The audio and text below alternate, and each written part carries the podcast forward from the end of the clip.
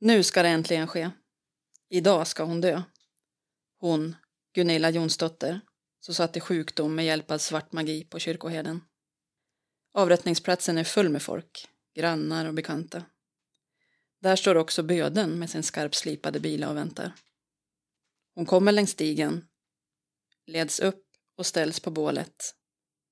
Bara hon nu vill erkänna. Prästen ställer frågan. Är du nu villig att erkänna ditt brott?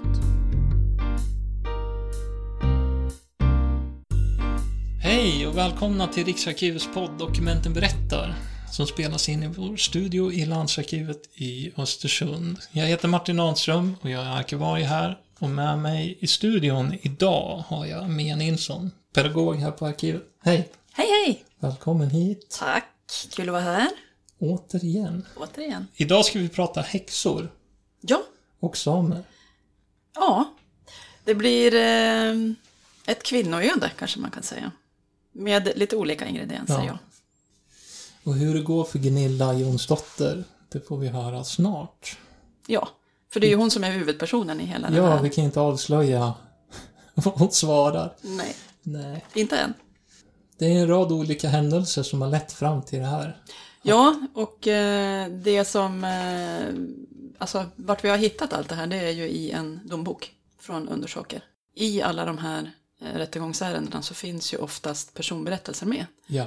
Där man har beskrivit kanske personen, eh, ja, personens tillvaro eller man har fått beskrivet sin tillvaro. Det kan finnas eh, händelseförlopp som man ja, inte skulle ha kunnat få tag på på något annat sätt. Nej, så det är ju fina källor på så vis. Så är det ju. Och eh, den här gången, idag, så har vi med oss boken upp hit. Ja, Det här är alltså Undersåkers tingslags härnadsrätt. Mm. Som Gunilla finns förevigad i. ja. hon eh, heter ju alltså Gunnel, Gunnela, Gunnil, Gunilla. Alltså hon, eh, apropå stavning och, och 1600-tal, det fanns liksom inga stavningsregler. Så att oftast så går hon bara under namnet Lapp-Gunnil. Ja, ah, okej. Lapp, alltså. Det är ett skällsord idag. Ja, eh, och tittar man i de gamla källorna så står det ju oftast att samer, handlar det om samer så, så sa man lappar. Ja. Det är liksom tidens, tidens anda som lyser igenom. Och det, det var ju inget skällsord då. Det var liksom en, beskrivning av vem man var. Ja. Men idag så Precis. skulle vi ju inte ha, alltså vi använder ju inte det ordet idag. Nej. Men tittar man i gamla källor så, så är det det ordet man använt. Men den här damen i alla fall, hon eh, skulle nog jag beskriva som en eh, väldigt stark person.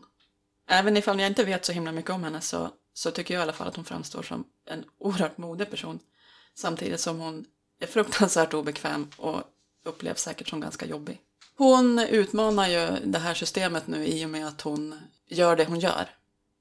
Jag kommer till det, vad det är hon gör. Men alltså, ni kommer att förstå vad jag menar tror jag när jag, när jag liksom drar hela den här storyn nu. Att hon, hon utmanar både prästerskap och hon utmanar rättssystem. Och Okej. hon eh, är ju känd i den här socknen, alltså Undersåkers eh, socken som hon då befinner sig i. Och eh, Som- många vittnar liksom om att hon är väldigt jobbig. Ah, okej. Ja, jag ska avslöja om en liten stund. Ja, vart, eh, vart börjar vi? Vet vi vart hon är född? Nej. Nej, alltså det här är ju innan eh, det här med kyrkobokföring och folkbokföringen liksom kommer igång. Ja, Så vi vet inte så himla mycket om henne så, men vi kan ju ringa in lite grann eh, tiden och platsen där hon verkar. precis. Ja, Det handlar om Undersåkers by och- Mm. och församling. ja precis. Och för er som inte vet vart Undersåker ligger då så är det ungefär fem mil från Åre.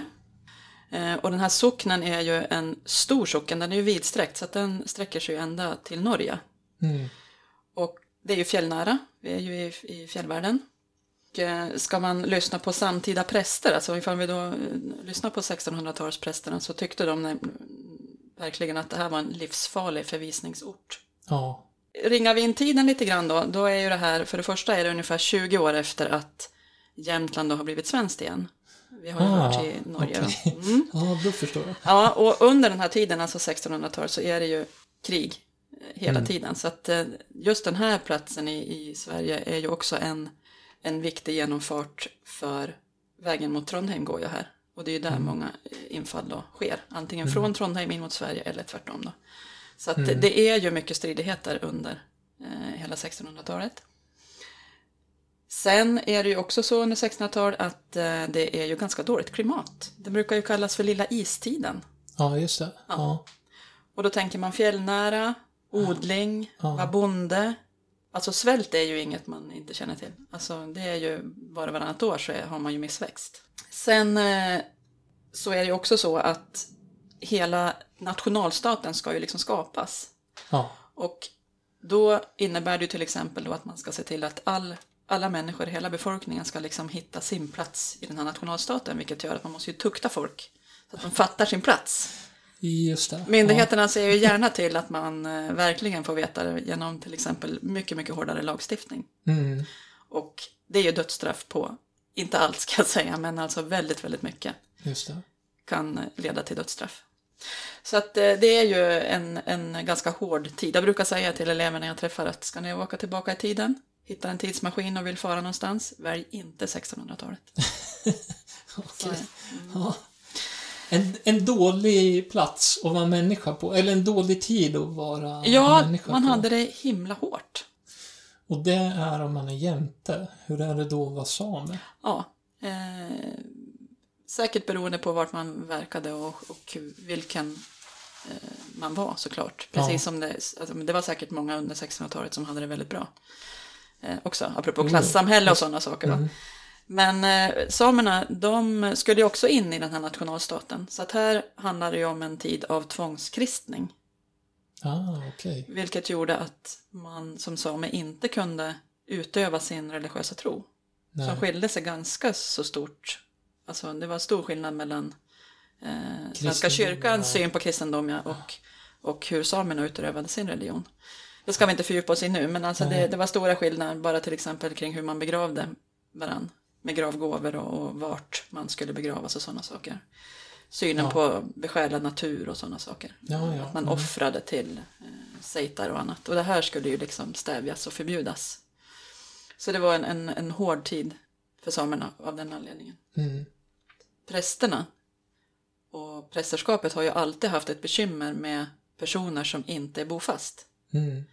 För de ska ju sköta sin folkbokföring och se till att församlingen håller sig un- under Herrens tukt och förmaning, som det heter då. Ja, precis. Ja. Eh, och ifall man då har en, en del av befolkningen som hela tiden är på resande fot eftersom man är nomad, gör ju att man inte kan hålla kontrollen på dem. Det var stor problematik för myndigheterna att eh, hålla styr på den samiska befolkningen. Eh, apropå Ja. det här med att man skulle skapa den här nationalstaten. Då. Finns ju mycket annat att säga om den här samiska delen också, men vi får lämna det till en annan podd helt Mm, enkelt. Ja, jo, det tycker jag att vi ska göra. Mm. Eh, Men Gnilla då? Eh, reser hon mycket? Rör hon sig utanför socknen sådär? Ja, det gör hon ju. Hon rör sig över eh, ett ganska stort område här i, i den jämtländska fjällvärlden. Då. Mm. Men förmodligen nere vid socknarna, alltså bland eh, den bondebefolkningen, inte bland renskötarna. Utan Hon vandrar runt bland hon vandrar runt. Mm. Ja. Och varje story har ju sin huvudperson. Mm. Varje hjälte har sin antihjälte. Vilken är? Antagonisten. Ja. Ja, det är kyrkoherden på platsen. Men hans namn var så tjusigt som Adamus Wilhelmi Klangundius.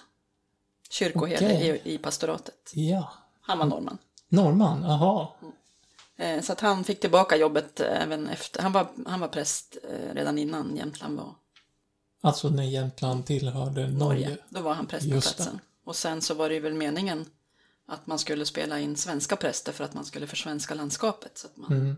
skulle se till att befolkningen eh, inte fortsatte höra till Norge och liksom var trogen den norska staten. Så. Men eh, Nej, precis. eh, ja, han fick tillbaka jobbet helt enkelt. Så han är då kyrkoherde i det här pastoratet.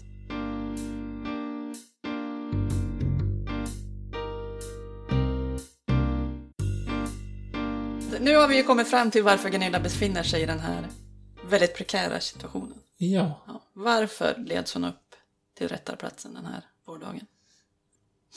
Hon, eh, om, jag, säger så här, hon, vi vet ju inte speciellt mycket om, om henne, Nej. men lite vet vi. Eh, och det är ju tack vare de här protokollen. Mm. Eh, så vi vet ju att hon har tre barn Mm. till exempel. Och hon har inte pappa till de två första, men däremot så säger hon själv att hon har en till den här tredje som hon kan namnge. Just det. Skol-Nils. Skol-Nils. Skol-Nils. Okej. Har han någonting med skolan att göra? Är min första Va? fråga. Ja, jag kan inte svara på det, men det, det låter ju som att han har det. Men samtidigt, skola och 1600-tal. Mm. Ja. Ganska otroligt. Ja, eh, självklart så kunde man ju ha väldigt informella, Ja. alltså att man, att man lärde ut för att man själv kunde så kunde man ju lära byns barn Ja. läsa till exempel eller skriva. Men ja, vi, jag vet ingenting om denna Skol-Nils, men mer än att, han, att hans namn skrivs så i protokollet. Upprinnelsen till hela den här historien är ju att Lappkunnel, huvudpersonen, vill gifta sig med Skol-Nils. Ja, just det. Det är så det är. Mm. Det, det är upprinnelsen. Vi vet inte vad han tycker om saken. Nej, och ifall han eh, är med på noterna eller ifall han eh, ens är pappa till barnet, det är ju hon som säger det. Mm. Någonting annat som vi vet om henne, det är ju att hon, att hon vistas nere i socknen. Ja. Så att det är klart, eh, har hon träffat Skol-Nils där eller har hon träffat honom någon annanstans? Vi vet inte riktigt vart han hör hemma. Nej, Så, okej. nej. Nej, för det, det framgår liksom inte. Någonting annat vi vet om Gunilla också som kan vara bra i hela den här berättelsen att ta redan nu, det är att hon är en känd boterska. Vad innebär det? Mm.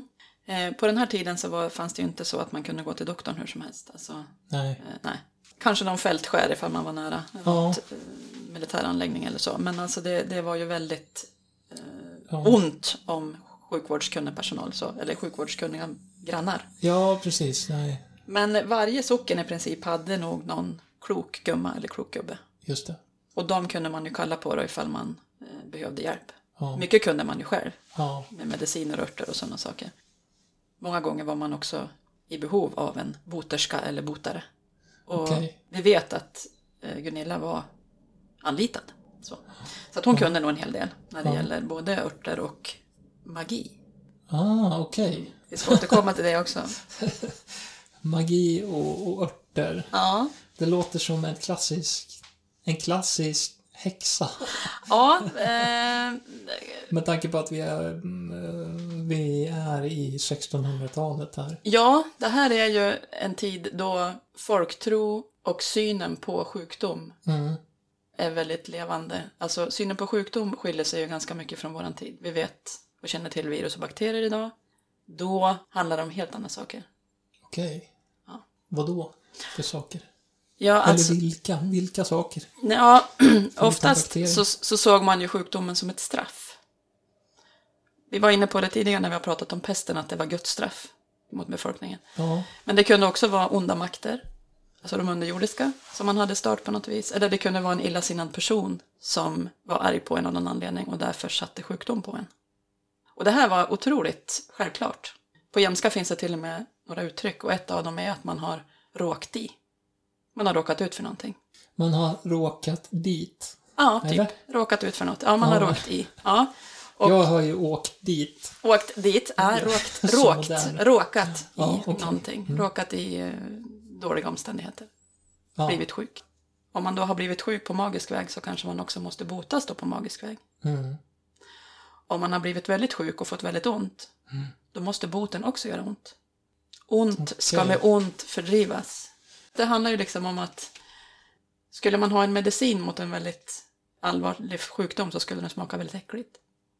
Eller ifall man då hade otroligt ont i ryggen så kanske det handlar om att man till och med måste bränna hål på huden för att släppa ut onda. Alltså förstå vilken... Mm. För man tog gärna hjälp av just de här fyra elementen. Ja, okej. Ja. Alltså ni vet, eh, eld, vatten, Vind, Vind och, jord. Jord. Ja. Jorddragning kanske man känner till. ja. Man då använder jorden som...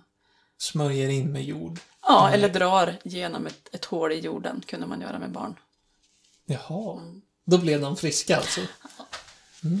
Så det, det, det är ju en helt annan syn på sjukdom än vad vi har idag. Just det. Helt enkelt. Och det är lite rädd också att man kanske ska tro nu att, att man var väldigt korkad för. Men det här är ju föreställningar som är urgamla. Alltså hur gamla, det vet vi ju inte. Det var ju liksom, man gjorde ju det bästa av situationen och försökte verkligen bota Mm. Mm. med de medel man hade. Mm. Mm. Så Gunilla går runt i socknen och botar de sjuka då? Ja, på, alltså, hon kan ju bli anlitad. Ja. Jag tror inte att hon är liksom eh, alltså gå runt och fråga är det någon som är sjuk så, utan det är Nej, mer att nej, nej. Utan, oj oj oj, nu är det någon som har legat sjuk här länge och ser allvarligt ut. Vi, vi kontaktar Gunilla, mer på den nivån. Ja. Men det är något som skaver där. De går ogärna till henne. Nej, men det som, det som eh, ligger henne i fatet lite grann som alla de här botarna vet, för att det här är ju så att eh, så länge man håller sig på rätt sida, alltså använder det som då brukar kallas för vit magi, Mm. och att man botar och gör gott, då kan kyrkan och myndigheterna överseende med en. Okej.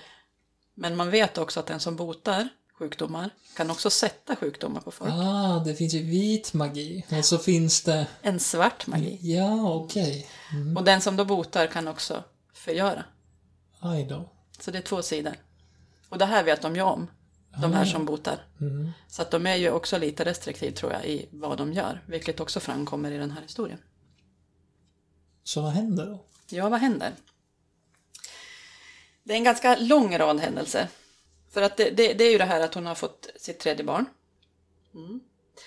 Och hon har en pappa, Skor-Nils, har vi varit Ja. inne på.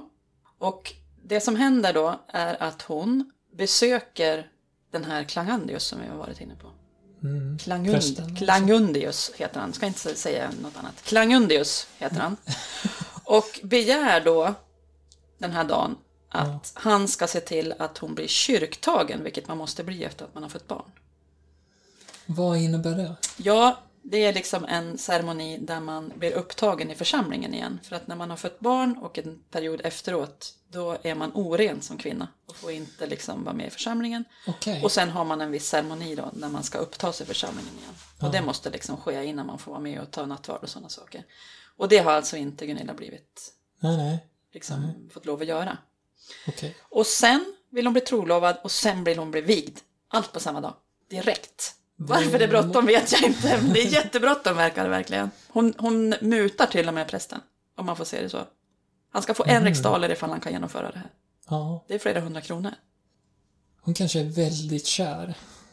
Ja, vi får hoppas det så att det inte är så att eh, Nils, hon har han på halster just nu.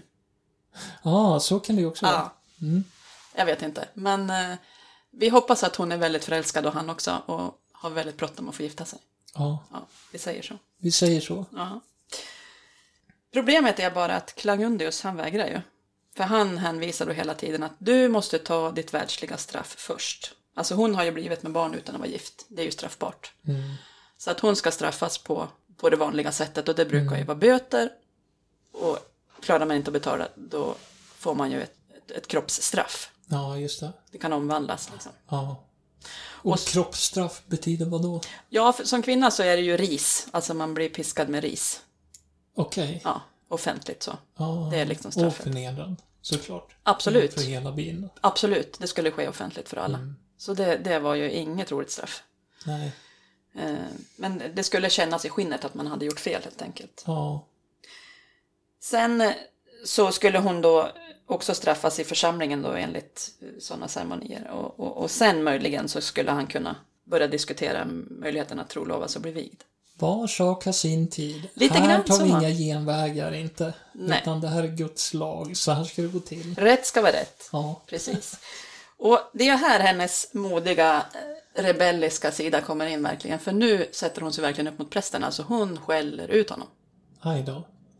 Ja. Det låter ju inte bra. Nej, jag tror inte det. Alltså hon är ju inte någon förebild när det gäller kvin kvinnor, liksom, alltså hur, synen på hur en kvinna ska vara Nej, på nej. den här tiden. Alltså man ska ju vara ganska tyst och timid och man ska stå bakom sin man och man ska företrädas av sin man och sådana saker. Här är det Ja, en just det. Mm. ensamstående kvinna som skäller ut kyrkoherden i pastoratet. Det som är, är lite bra kanske i hennes fall här nu då, eller tur eller hur man ska säga det, är att hon gör det på samiska. Okej. Mm. Mm. Det finns nämligen en vittne, ett vittne till den här händelsen Mhm. eh, som eh, man då plockar fram under den här rättegången. Ja, just det. Eh, och hon, så det är en kvinna, hon heter Margareta Mårtensdotter och hon är från en liten by som heter Bratteggen. Okej. Ja. Och hon, eh, jag kan citera lite grann ur protokollet här. Ja, det får du gärna göra. Mm. Får vi höra lite 1600-talssvenska också? Eh, hon får ju svära eden att hon pratar sanning först när hon Ja, ja. kommer till tinget. Inför Då. Bibeln och sådär. Precis. Och, Och sen så säger hon då att hon allenast hava hört, det lappgunnel har vi kommit ut ur stugan på prästebordet i Kallsocken och varit helonder och vreder, men icke hörde henne något säga som hon kunde förstå, utan Gunnel plottra på sitt tungomål, vad det var vet hon icke att berätta. Nej. Så det enda hon egentligen har sett den här Margareta nu, det är ju att hon har sett en urförbannad kvinna komma springandes ut ur prästgården där det är kall och skrikit och, och varit arg gentemot prästen då. Men hon Ja. har ju inte förstått vad hon har sagt. Nej, just det. Nej. Men känsloyttringen ser hon ju säkert väldigt tydligt. Mm. Att hon är hel onder och vred. Kalla är ju en bit ifrån Undersåker också. Mm, det är det ju. Det är på andra sidan Åreskutan. Ja, å andra sidan Kallsjön kan man säga också. Så Ja. det är en, Så hon har tagit sig en bit för att få tillstånd att gifta sig här. Oh, Eller ja. att bli kyrktagen. Ja, och, och kyrkoherden är där på tillfälligt besök bara. Jaha, okej. Ja, så att, eh, hur hon vet det, det har jag ingen aning om. Men, men de möts där i alla fall. Och det här är liksom eh, Det blir en händer. konfrontation som Milt sagt, milt sagt. hon kommer att få ångra. Eventuellt. Eller? Ja, lite så. För att sen då, efter den här händelsen, då ska ju prästen resa tillbaka ner mot Undersåker. Mm. Och eh, det som står då i protokollet det är ju då att när han då ska resa hem då blev han i vägen med ett trollskott illa behäftat varav han ute 14 veckors tid en odräglig sveda och verk utstå måste. Och när han emellertid kom upp av sängen kunde han ändå icke nå sin förrige hälsa utan det följde honom till hans dödedagar så att han måste gå på kryckor. Okej. Det som händer är ju att han Ja. eh, åker ju med häst och släde ner då mot Undersåker. Och när han färdas när över backarna där kanske då så får han plötsligt en fruktansvärd värk i kroppen. Och den här verken går inte över. Nej. Utan han blir sängliggande i 14 veckor. Och när han till sist kommer upp i sängen då, då är han så dålig så han måste använda kryckor när han ska upp och gå. Och han blir liksom aldrig bättre än så att han, han tar sig upp ur sängen, han klarar av att ta sig framåt med hjälp av kryckor men sen kort tid efter så dör han. Ja. Och det står ju här vad han har drabbats av. Han har drabbats av trollskott.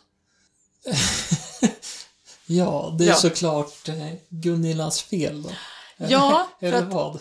ja Vad betyder trollskott kanske vi ska... trollskott eller finskott, lappgand, det finns olika namn på det här. Alltså, eller råkt i på jämska då. Ja, ja. Ja. Det är ju alltså när man får en hastig sjukdom, alltså när det kommer väldigt snabbt och man får en olidlig verk. Ja, Eller klåda okej. kan man också få. Men det går väldigt hastigt. Och då vet man att det är någon illasinnad som har satt sjukdom på en. Ungefär som en voodoo-docka som någon har stuckit en, en nål i. Kanske en bra liknelse. Eller onda ögat. Ja, just det. Ja. Man- man, någon eh, har kastat Någon har kastat onda ögat på en. Ja, lite grann så. Förbannat den. Ja, en förbannelse helt enkelt. Ah. Och vem kan annars vara en Gunilla som har varit så arg där uppe i Kall? Ja, men det är ju bara hon som kan sånt där. Hon kan bota, Ja, hon kan också förgöra. precis. Ja. Så det är klart att det är hon.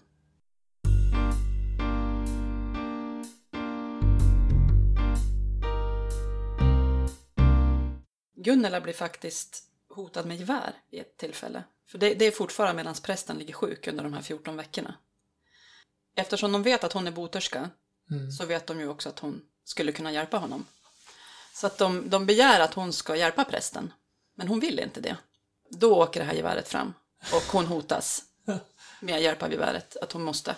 Ja. Och hon blir alltså så rädd så hon svimmar och sen så när hon vaknar upp så lyckas hon övertala istället en annan botare, en annan same som är på plats som heter Anders, Anders Mårtensson. Okej. Och han säger så här att nej, jag tänker inte göra något förrän jag vet att jag inte kommer att ställas inför rätta för det här. Vad tänker han på då, tror du? Alltså jag tror så här att man, eh, botar man ett trollskott eller ett lappgand som det här är, för alla vet ju att det är ett lappgand. Ja. Någon har satt sjukdom på, på kyrkoherden. Ja, Och går han dit och, och botar det här, Ja. då kan han få skulden för att det är han som har gjort det. För kan man bota kan man också förgöra. Ah, okej, och då vet tänker inte så. jag ifall det är, alltså, att, att Gunilla också tänker att visar jag nu att jag kan bota den här kyrkoherden så kanske det är jag som får skulden. För att hon vet ju vad som har föranlett. Alltså hon vet ju om den här händelsen när hon var så arg. Okej. Ja. Så hon betalar alltså den här Anders för att försöka bota prästen. Vi har ju facit så vi vet ju att Anders fixar ju inte det här utan han, han dör ju så småningom. Och i, i rättegången så framkommer det ju också eh, hur allmogen, alltså bondebefolkningen i Undersåker såg på henne. För Ja, det, det okej. finns eh, en annan, eh, eh, direkt ur protokollet kan jag citera då hur man såg på det. Ja, få höra. Och det står så här då, att dessutom betygar allmogen här i Undersåker som eljest över hela landet, alltså över hela det här stora området. Mm. Det denna Gunilla går här ute i gårdarna och dricker sig full på brännvin. Sen blir de aldrig av med henne. Utan när de ville hava henne ut på dörren och sen ut i gården så hotar hon dem och undsäger dem allt ont, plottrar och bannas och svär på sitt språk. Så att allt folk är henne rädder att här för sina ögon begärandes bliva av med henne ut ur fjället och bort från socknen. De vill bli av med henne. Ja, hon är besvärlig. Hon, hon eh, är ju inte en typisk kvinna. Alltså hon är ju ingen förebild. Nej. Hon går alltså runt i gårdarna. Hon dricker brännvin. Hon svär. Hon förbannar folk. Hon blir arg på människor. Hon Ja. kanske skriker åt dem. På samiska då, som förstår ju inte vad hon säger riktigt heller. Så att de faktiskt är rädd för henne. Mm. Och de blir aldrig av med henne ifall de väl har släppt in henne heller. Säger de då. Och de begär nu att hon faktiskt förvisas från socknen och från fjället där hon vistas. Ja, men när de inte då kan få henne att hjälpa till, så vad händer? Då eh, hamnar hon i rätten. I den här boken. Ja, alltså det, det, det slutar ju med att prästen dör ju där. Eh, och det är ju alltså 1662. Sen dröjer det några år. Mm. Och anledningen till det, det vet jag inte. Men rättsprocessen tar sin början genom att sönerna till prästen, eller till kyrkoherden, stämmer Gunilla inför tinget. Så de anklagar henne för att ha satt sjukdom på deras pappa då. Och de här två eh, är ju själva då präster och eh, van att liksom föra sig och tala för folk och liksom så va. Mm. Eh, Så att hon, hon hamnar ju då på, på tinget i Undersåker. Och här befinner sig ju de här sönerna Mm. som är väldigt drivna och väldigt liksom hårda i sin vokabulär gentemot henne. Sen i det här rummet så sitter också de tolv edsvurna männen, alltså tolv bönder från socknen, som anses då vara pålitliga så va? Och det är de som ska döma henne.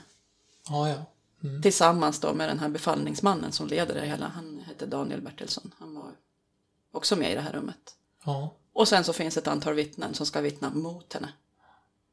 Vad har hon för stöd då? Ja, men hon har ju inget. Alltså det är ju hon som står där. Ja, okej. Ja, för att de här, de här, apropå synen på henne då, det här med att Ja. allmogen i Undersåker ville bli av med henne. Alltså det är ju de här torvedsvurna männen är ju med i den gruppen. Men eh, varför har de ens en rättegång? Ja, rätt ska ju vara rätt. Alltså så är det ju. Och jag menar man har ju ändå rättssystemet och det ska liksom funka så. Så att man hoppas väl genom den här processen nu då att det ska liksom få ett slut. Ja. Och att man ska kunna bli av med henne på något vis då. Och man kan ju fundera också på hur hon känner sig själv när hon står där. Ja, är hon helt panikslagen? Alltså hon står där bland alla de här vita männen, alltså svensktalande. Eh, själv står hon där, liten kvinna, Ja. samekvinna, eh, Ja. pratar samiska Ja. som modersmål. Alltså hur, hur känner man sig egentligen? Och man ska föra sin egen talan också i det här rummet. ja. Men vart är samerna? Hon har en bror Ja. som eh, verkar finnas med, för han nämns på några ställen. Och det kanske är fler samer som är där och tittar, för det här var ju också eh, öppna förhandlingar, så det kan ju varit så att byborna var där, men också en, en del samer. Men det är ju frågan ifall det var någon som klev fram och pratade för hennes sak, för att i protokollen syns inte det. Utan det är ju hon själv som får svara på frågorna från ja. alla som vill eh, veta då. Det, det är ingen som försvarar den. Nej, det är det inte. Det är det inte. Ja, vilken mardröm Ja, för henne. Men jag tror också att hon är så himla kaxig så att hon faktiskt visar ingenting där. Hon står liksom bergfast och nekar. Hon nekar hela tiden. Okej, hon tänker hon är- inte erkänna någonting. Hon har inte gjort det här. Hon är tuff. Ja, jag känner lite rebell där. Ja. Ja. Hon får också en möjlighet av befallningsmannen här. Vilket var ganska vanligt för den här tidens rättsprocess. Att man då får erbjudandet att till nästa ting.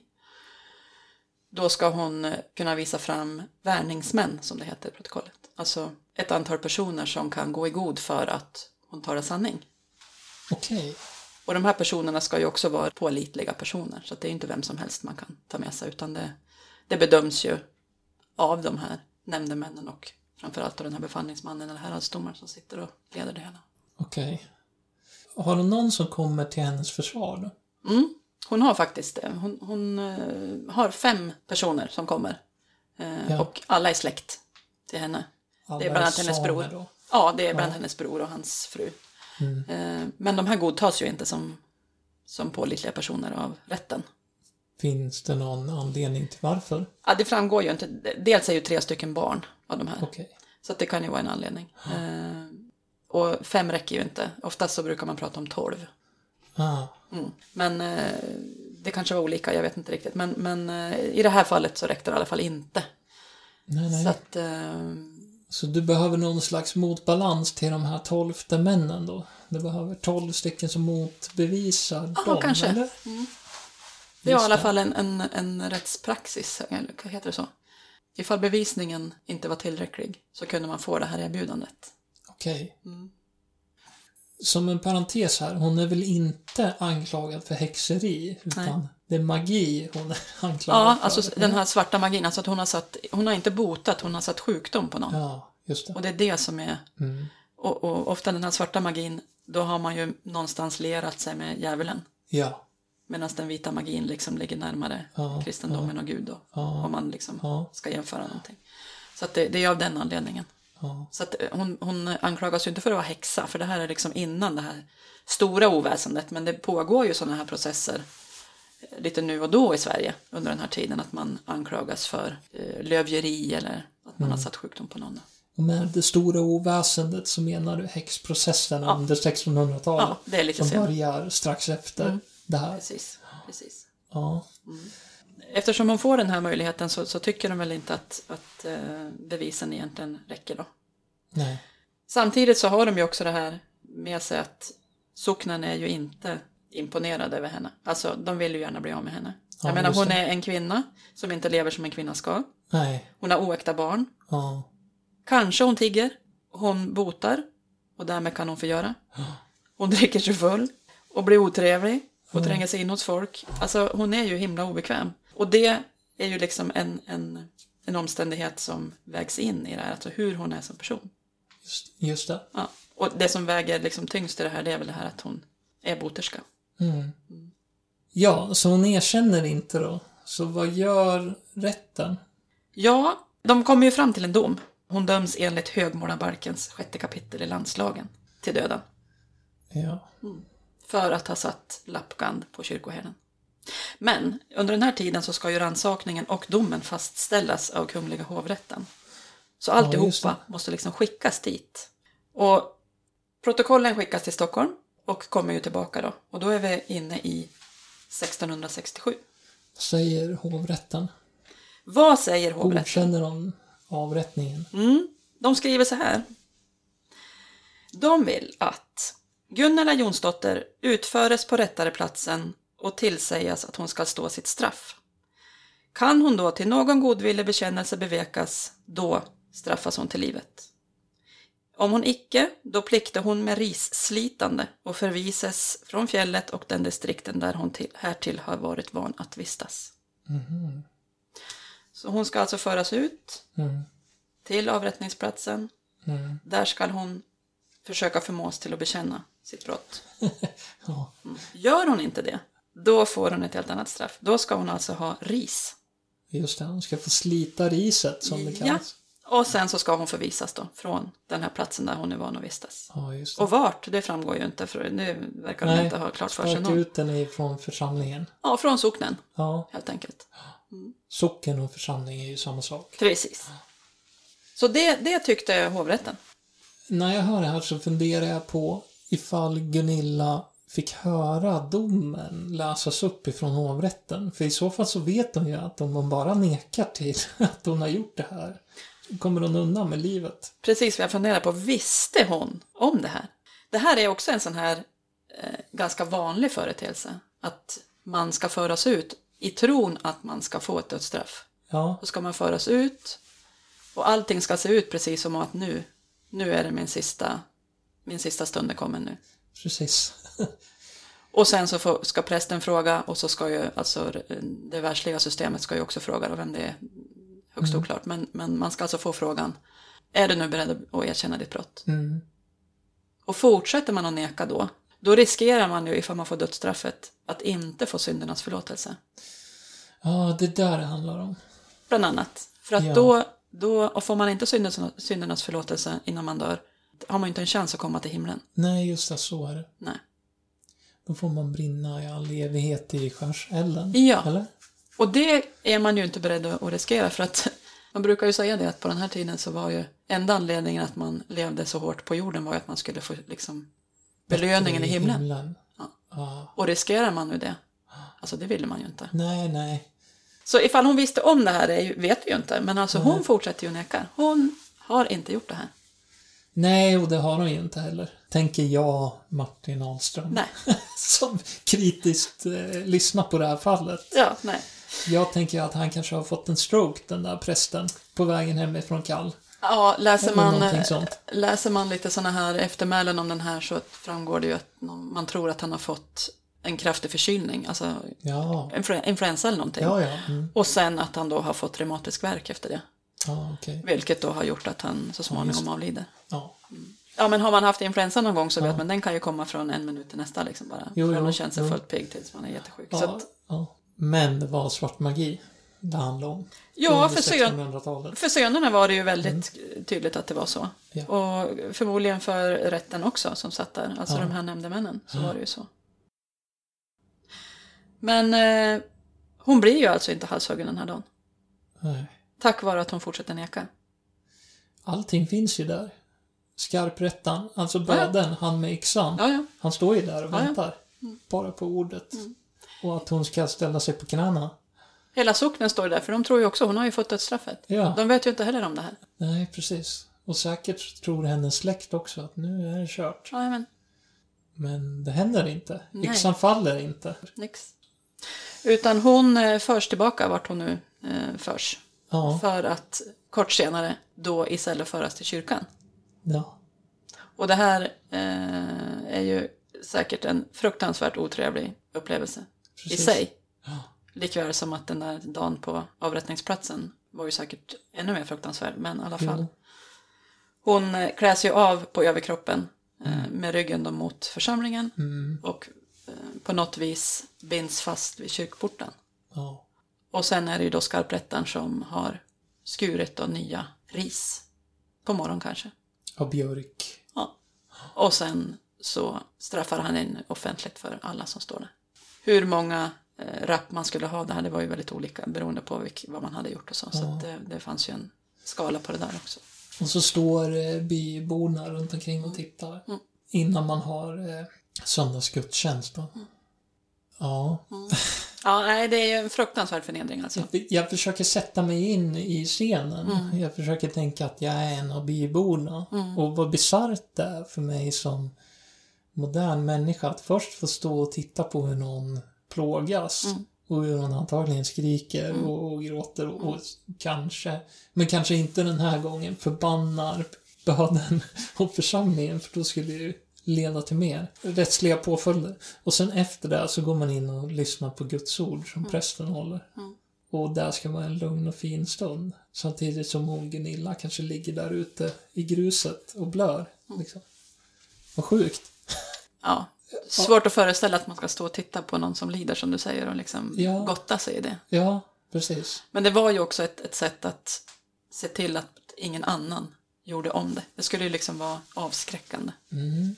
Ingen annan ville hamna i hennes situation. Men eh, ja, Stackars Gunilla. ja alltså hon bär ju säkert med sig det här resten av livet såklart. Att Säkert. ha blivit förnedrad på det här viset. Samtidigt så klarar hon ju livhanken. Ja. Och sen så blir hon ju förvisad Ja. därifrån. Och vart hon tar vägen det vet vi ju inte. Och följer barnen med henne? Följer Nils med henne? Vet vi inte. Nej. Det vi vet är att hon får ingen hjälp någonstans för att den som försöker hjälpa henne eller ta in henne för natten eller ge henne mat eller någonting, de riskerar också straff. Så att hon, hon har liksom sig själv nu bara igen då och ska ta sig därifrån någonstans där hon liksom kan starta om tillvaron. Det är ju också ett straff i sig, att inte få bo inne hos de andra i byn. Mm. Vart tror du att hon tog vägen då? Om du får gissa sådär. Har du nå- några faktiska bevis på vart hon Nej, tog vägen? nej, utan det, det enda som, alltså sista spåret är ju att hon förvisas från eh, socknen och fjället, så som det står. Mm. Och jag vet ju inte riktigt ifall eh, hennes bror var renskötare Eller ifall eh, han Nej. hade någon annan uppgift så. Så att eh, det är klart, hon kan ju ha följt med eh, och levt bland samer någon annanstans. Jag Mm. törs inte gissa ens, men Nej. förhoppningsvis, jag vill tro att det gick bra. Jag med. Jag vill verkligen tro det, att, Ja. hon, att hon fick sin Nils och att de, även om de inte fick gifta sig, Hoppas Att hon, hon fick kunde- sin kärlek ändå. eller hur? Ja. Och att de tillsammans med de här tre barnen kunde få en bättre tillvaro någon annanstans. Jag tror vi slutar där. Ja, vad, vad, vad tror ni lyssnar? Ja, Hör av er. ja, okej. Nej, men vi, vi, vi ger oss där. mm. Det var Gunilla Jonsdotter. Hon som inte erkände sig som häxa. Och som nästan avrättades flera gånger. Mm. Vilken historia. ja, de finns ju här i arkiven. Verkligen. Nu tar vi sommarlov och så återkommer vi med fler poddar i höst med början i augusti. Precis. Kommer Så- du tillbaka? Ja, jag kommer att Ja. komma tillbaka. Jag kommer bland annat att ha med mig någon dagbok. Oj, okej. Kanske lite sockenstämmoprotokoll. Ja. Fler eh, guldklimpar ifrån arkiven. Absolut, det Ja. finns så mycket att berätta. Så vi återkommer gärna. Jajamän. Tack för allt hörni och tack för att ni lyssnade. Adjö. Hej hej!